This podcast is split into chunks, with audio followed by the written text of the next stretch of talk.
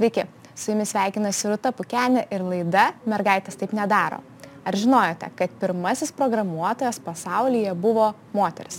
Tačiau šiuo metu vyrų dirbančių IT srityje Lietuvoje yra be net tris kartus daugiau negu moterų. Nors galimybės neišmatuojamos, rinktis tech moteris dažniausiai stabdo socialinės ir psichologinės baimės, o neretai ir gerų pavyzdžių stoka. Todėl mes pakvietėme moteris dirbančias technologijų srityje pasidalinti savo asmeninę patirtimi ir įkvėpti. Šiandien su mumis kartu Jėva Martinkienaitė. Ji yra vienos didžiausių telekomunikacijų kompanijų Telenor viceprezidentė tyrimams.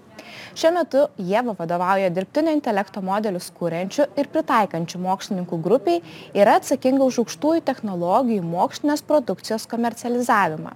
Jėva pripažįsta, kad ir darbo susitikimuose, ir vidinėse komandose yra vienintelė moteris dažniausiai, o neretai ir būtent vadovė.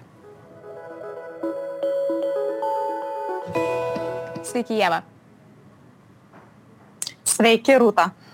Jėva, jūs vadovaujate Telenor specialiai įkurtam dirbtinio intelekto domenų analizavimo padaliniui, kuriame dirba vieni geriausi Norvegijoje programuotojai, mokslininkai ir domenų analitikai. Papasakokite, prašau, plačiau, kuo gyvenate šiandien. Ačiū labai už klausimą. Tai kuo gyvename šiandien? Iš tikrųjų turime telekomunikacijų kompanijoje atskirą mokslo padalinį, kuriame stengiamės naudoti naujausias technologijas ir atrasti, nu, kurgi tos yra naujos proveržės rytis ir, ir galimybės telenorui. Tai e, konkrečiai, ką mes darome, tai mes kūrėme prototipus, implementuojame duomenų modelius, algoritmus, mūsų pačių duomenų pagalba ir iš trečiųjų šalių, mūsų, mūsų aišku, klientų duomenų pagalba ir bandom atrasti, taip pat optimizuoti, aišku, tuos pačius procesus viduje telekomunikacijos kompanijoje, kurioje dirbam ir padėti kompanijai susivokti, kur mes galime iš tikrųjų panaudoti tuos duomenis, priimti geresnius sprendimus arba automatizuoti procesus ir taip pat na, pasiūlyti ateities perspektyvas kompanijai. Kaip žinote, telko kompanijos šiandien arba jų augimas yra na, mes kalbame apie ribą 0,1 procento, tai mums iš tikrųjų labai svarbu surasti na, naujas augimo galimybės. Va tą ir bandome pasiūlyti. Bet ar tiesa, kad jūs perlipote gerokai tą telko burbulą ir jūsų tyrimai yra susiję net ir su COVID-19?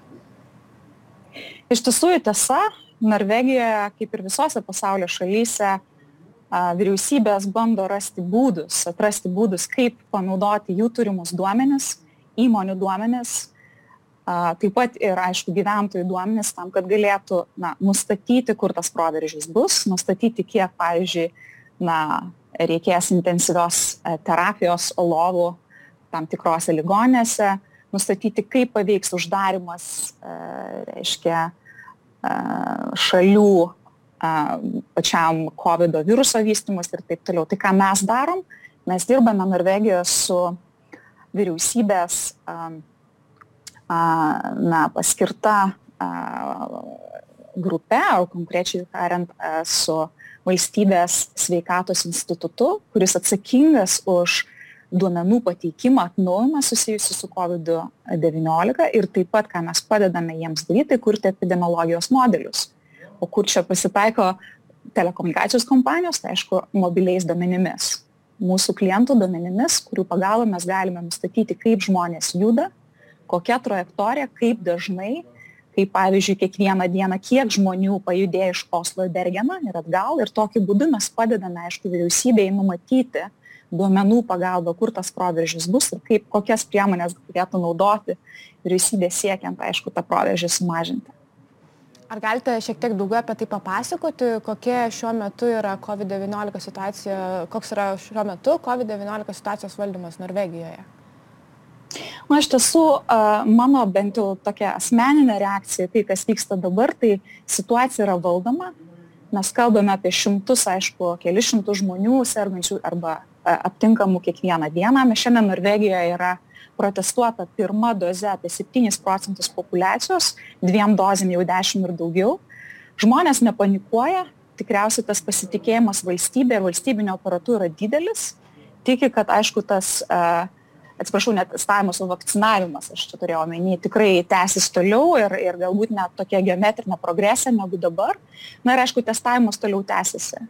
Mes kalbame apie tolimesnį testavimą žmonių ir o, o kas vyksta šalia, aplinkui gyvenime, tai iš tikrųjų vis dar mes esame uždaryti, va šiandien atėjau į ofisą, tai tokiam labai išskirtinėmis sąlygomis, kai aš turiu su kažkuo kalbėti, turėti nenutraukiamą ryšį ar turiu kažkokius labai svarbius susitikimus, bet šiaip darbas iš namų, kavinės ir, ir barai po truputį atsidaro Osle, bet iš principo, aišku, valstybės rekomendacija yra laikytis tų prevencijos priemonių ir, ir, ir toliau laukti pagerėjimų. Bet Jėva, Lietuvoje jūs baigėte politikos mokslus, vėliau studijas tęsėte viešo administravimo srityje. Kaip jūsų gyvenime atsidūrė dirbtinis intelektas Telenor? Čia toks geras klausimas, iš tikrųjų truputėlį atsitiktinai ir truputėlį neatsitiktinai. Na, atsitiktinai tikriausiai dėl to, kad atsidūriau Norvegijoje prieš 11 metų, iš tikrųjų daugiau nei 11 metų dabar pradėjau skaičiuoti, atvažiavus e, kaip Erasmus studentė, e, darydama tą pasikeitimo programą doktorantūros studijų, kur tuo metu studijavau. Ir patekau į organizaciją, kuri, na, universitetą, kuris iš tikrųjų nu, niekuo nebuvo susijęs su, su, su dirbtinio intelekto studijomis, tai BI Norwegian Business Schools, kuriame baigiau ir tuo metu, aišku, įstojau doktorantūrą ir baigiau verslo strategijos studijas. Ir kas tada atsitiko, aišku, mano tyrimo metu teko susidurti su Telenoro kompanija. Sakau, truputėlį atsitiktinai, truputėlį ne ir teko patirinėti šią kompaniją iš, iš visų pusių. Na ir tas kitas mano galbūt atsakymas į klausimą, na, visada man buvo įdomu inovacijos, tikriausiai visada kur, kur bebūčiau, kur beeičiau, ką bedaryčiau, man tas klausimas, nu, kaip judės pasaulis toliau, kokios tos naujos technologijos vystysis. Čia, man atrodo, verslo ir, ir technologijų samplaika yra labai artima. Tai nors aš neturiu programinės įrangos bakalauro ar magistro ar, ar kompiuterinių mokslų srities PhD, manau, tas verslo supratimas, a, gilesnis a, organizacijos a, suvokimas ir analizė man šiandien padeda e, galbūt labiau vertinti, kaip tas naujasis technologijas įgyvendinti įmonėse. O kokia tai, yra... Taip ir atsidūriau iš tikrųjų. Mhm. O kokia yra ta moterų šiuo metu dirbančių technologijų srityje kasdienybė? Ar jums asmeniškai yra tekę susidurti su tam tikrais iššūkiais ar stereotipais? Aišku, aš galiu pasakyti, kad aš esu kaip aš nekartą minėjau, šiandien vadovaudama dirbtinio intelekto mokslininkų komandai ir, ir aišku, dalyvaudama strateginiuose sprendimuose mokslo departamente visos įmonės, aš esu viena moteris a, valdymo, reiškia, toje mokslo departamento valdyboje. Mano, mano žmonių arba tų darbuotojų tarpė yra a, aš ir dar viena moteris. Aš dažniausiai būnu viena tuose, nu, viena moteris, labai mažai moterų, mes turim tų moterų, bet šitose srityse jų yra mažuma. Tai tą aš matau kiekvieną dieną. Čia nėra kažkokia tai man naujovė, į tą žiūriu kaip į, į, į galimybę, galimybę skleisti tą žinę apie, reiškia, ir tas lygias teisės ir galimybės ne tik tais na, vyrams, bet ir moteriams pasiekti to paties. Ir, ir gal kuo susidariu, tai iš tikrųjų stengiuosi daug negalvoti apie šitą lygių, lygias ar nelygias galimybės, o dirbti savo darbą. Bet tai, kad esate vienintelė moteris savo komandoje, neretai būtent ir vadovaujanti tai komandai, jums padeda ir trukdo? Na, aš sakyčiau, kad mano, aišku, pagrindinis tas drivas, ar ko aš vadovaujuosi darbe ir, ir gyvenime šiaip, tai e, reikia turėti tikslą, reikia jos siekti, turėti kažkokių galbūt ambicijų, mokytis iš tų role modelių vadinamų ir, ir galbūt mažiau galvoti, o jau galima ir negalvoti apie tuos jau įsišaknyjusios socialinės problemas arba kitaip tariant šiuo atveju, tarkim, santykinai mažą moterų, moterų tarpą šitose, šitose srityse, bet tuo pačiu aš taip pat gan aktyviai E, ir dalyvauju e, moteros, reiškia, technologijų srityje veikloje, taip pat na, stengiuosi pasidalinti savo patirtimi ir, ir gal kur, man atrodo, čia mes išsiskiriam ir kur mums padeda, tai yra mes tokios esam galbūt, aišku, labai individualu, ieškančios kompromiso dažniau, galbūt mažiau esamos, esam konkurencingos, mes esam konkurencingos, mums svarbu laimėti, bet mes galbūt kiek pastebiu savo darbę ir kitose įmonėse, mes labai stengiamės įsiklausyti, išgirsti, patarti ir ieškoti kompromiso. Tai čia mūsų, mano nuomonė, yra ypatinga, ypatinga rolė ir, ir galbūt mūsų sėkmės priežastis. Bet ar moteris neišsiskiria ir tuo, kad joms ypač sunku žengti tą pirmąjį žingsnį? Jūs dalėjote savo patirtimi, kad kai ieškojate dviejų naujų kolegų į komandą iš dviejų, daugiau negu 200 gyvenimo aprašymų, tik 10 procentų parašė moteris. Ką mums tai rodo? O aišku, tai rodo, kad moterų kompiuterinėme pasaulyje, e, mašininio mokymosi, dirbtinio intelekto srityje, fizikoje, bio, biochemijos srityje ir visose kitose, galiu čia vardinti, yra na, santykinai mažesnis e, kiekis ir, ir, ir žmonių. Ir, ir ką tai rodo iš tikrųjų, tai rodo, kad e, galbūt mes turim tam tikrų stereotipų e, tiek mokyklos suolę, galbūt netgi anksčiau šeimose, kuriame mes dėja vadovaujamės, eidami savo karjeros keliu. Tai mano patarimas būtų ieškoti tų modelių arba to pasididžiavimo modelių aplinkui, jų tikrai yra daug, stengtis siekti savo tikslo, nesvarbu lytis, svarbu, svarbu protas ir energija. E, ir, ir galbūt kartais save padrasinti labiau ir pasidalinti. Labai svarbu surasti bendražygius ir, ir tuos, kurios arba išgyvena tą patį, arba, arba, arba nežino, arba abejoja. Tai tai rodo iš tikrųjų, kad mes turim labai daug ką nuveikti ir, ir įrodyti pavyzdį. Aš manau, kad tas kalbėjimasis ir dalinimasis patirtimi labai labai svarbus. O kaip manot, kodėl mums reikia daugiau moterų technologijų srityje? Apskritai ir vyrų, ir moterų, bet kur, man atrodo, ta įvairovė požiūrių ir, ir, ir čia ne tik moterų, kai kuriuose srityse mums trūksta vyrų, aš įsivaizduoju kad pavyzdžiui medicinos sektoriuje ypač tarkim aš įsivaizduoju seselių tarpe mokytojų tarpe mes vis dar turim tą pačią nelygybę iš kitos pusės. Tai aš neišskirčiau čia moterų ar vyrų. Aš manau apskritai įvairovė yra būtina o technologijų moksluose įvairovė yra būtina dėl to kad vien dėl įvairių perspektyvų kartais mes sakom kad dirbtinio intelekto panaudojimo sritis pritaikymo sritis gali būt skirtingai vertinamos arba prioritetizuojamos vyrų ir moterų vien dėl to, kad tas požiūris, tas poreikiai skiriasi. E, kaip sakau, aš dažnai, na, jeigu mes tikime, kad dirbtinis intelektas, duomenis, duomenų mokslas ilgainiui taps labai svarbi mūsų visuomenės vystimosi sritis, tai kalbant apie tai, kad mes matysime ir savo telefonuose, ir įvairiuose devaisuose, kuriuos mes naudojame dirbtinio intelekto technologiją, ir šitie produktai bus masiniai mes turime įvertinti, kad jie bus tinkami visiems, ir mažiems, ir dideliems, ir moteriams, ir vyrams, ir vyresnio amžiaus žmonėms. Tai čia įvairovė būtina, jeigu mes galvojame apie technologijų pritaikymą versle ir, ir visuomenė. Tai, tai čia mano būtų pirmas argumentas. O antras, aš taip pat matau savo veikloje, kad, na, sprendimų prieimime dažnai mums reikia to irgi tos įvairiovės ir kitų nuomonių.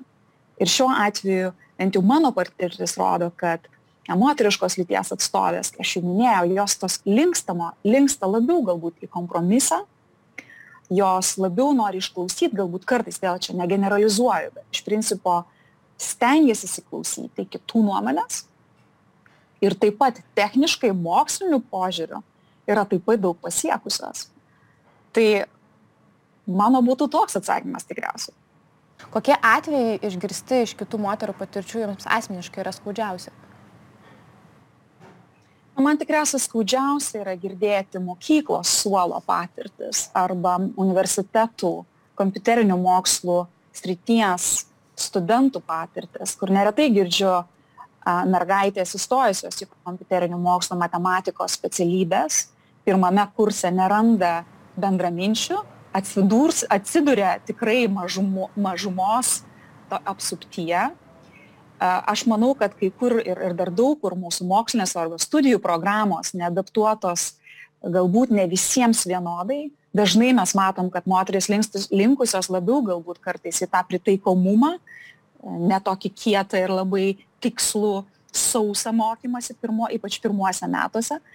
Ir ką mes matome Norvegijoje, ir aš manau daug kur, aš neturiu tų duomenų, bet ką Norvegijoje mes matome, labai daug mergaičių ar merginų arba pačios atsisako, arba iškrenta uh, iš, iš pirmųjų, antrųjų metų studijų uh, šitų te, te, technologinių mokslų. Tai man labiausiai gaila matyti, kad vien dėl susidariusios tikriausiai dinamikos klasėse, galbūt ne per didelio dėmesio skiriamo adaptuoto studijų paketo, o galbūt tiesiog dėl kartais trūkstamo žodžio, padrasinimo arba net tų pavyzdžių aplinkui trūkumą, mes matome merginas išeinančias iš tokių perspektyvių, mano nuomonė, svarbių disciplinų. Tai čia man skaudžiausia iš tikrųjų. Vis užsiminate apie pavyzdžių trūkumą. Kas jums asmeniškai yra pavyzdys dirbtinio intelekto technologijų srityje, kas įkvepia jūs? Aš sakyčiau, mane labiausiai kas įkvepia, galbūt ne ne dirbtinio intelekto būtinai technologijų srityse žmonės. Aišku, jų yra labai daug. Esu sužavėta Andrew Eng, profesoriaus, esu sužavėta kitų asmenybių, bet mane labiausiai drąsina iš tikrųjų moteris ir vyrai, kurie aplink mane.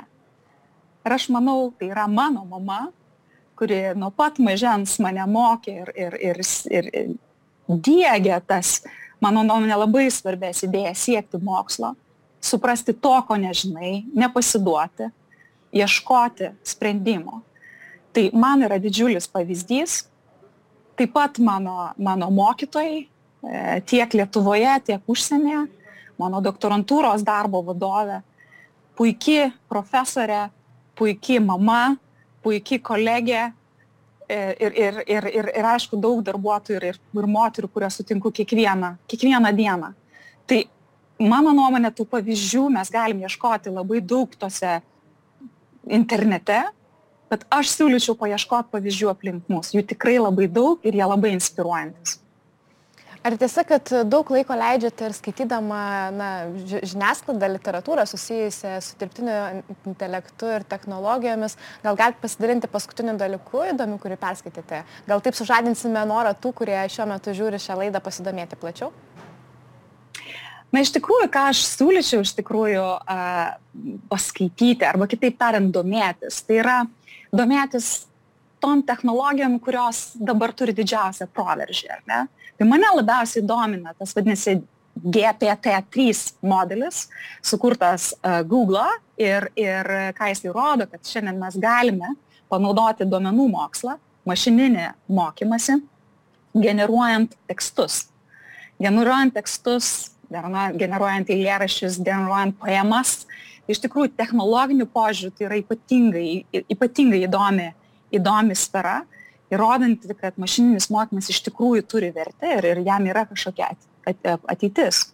Bet reikia taip pat nepamiršti, kad šalia to progreso ir proveržio, kurį mašininis mokymasis arba na, dirbtinis intelektas šiandien mums siunčia, taip pat yra ir rizikų, kurių mes turime taip pat įsivertinti pavyzdžiai aplinkui yra tikrai jau jų daug, tos vadinos fake news savo Facebooko paskyroje, kaip atpažinti tikrą kontentą, kaip mokyti savo vaikus atpažinti turinį su, su reiškia, tiks, tikslu arba tikrai turinį nuo netikrojo turinio, kaip, uh, kaip iš tikrųjų mes norime bendrauti su technologijomis, virtualių asistentų, pavyzdžiui, atveju, kur, pavyzdžiui, mes matome didžiulį progresą ir proveržį šiandien, tai yra, aišku, toj medicinos rytyje šiandien galime diagnozuoti vėžinės lasteles mašinos arba kompiuterių pagalba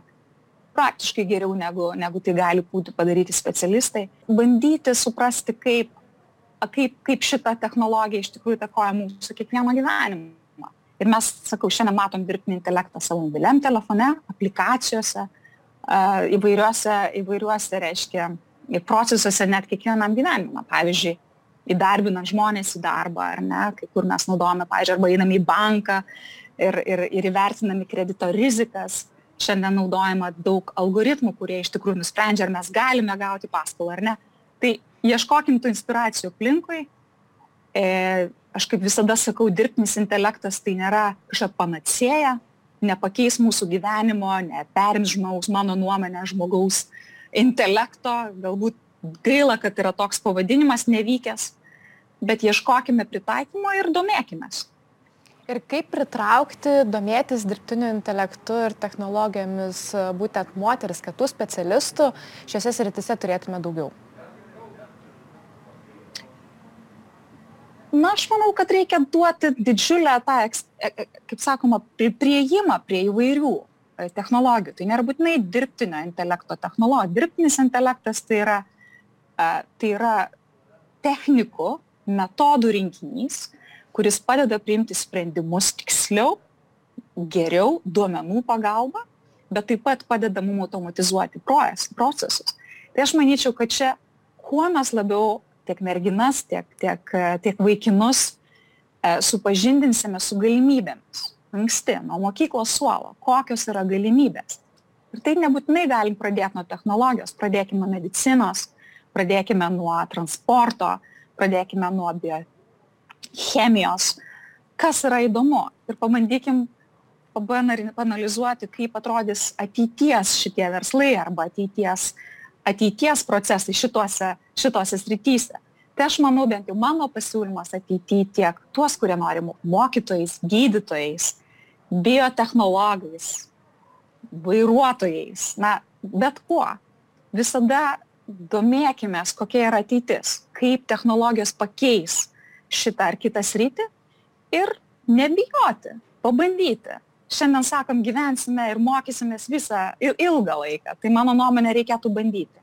Nebijoti keisti, padrasinčiau dalyvauti, nebijoti klysti.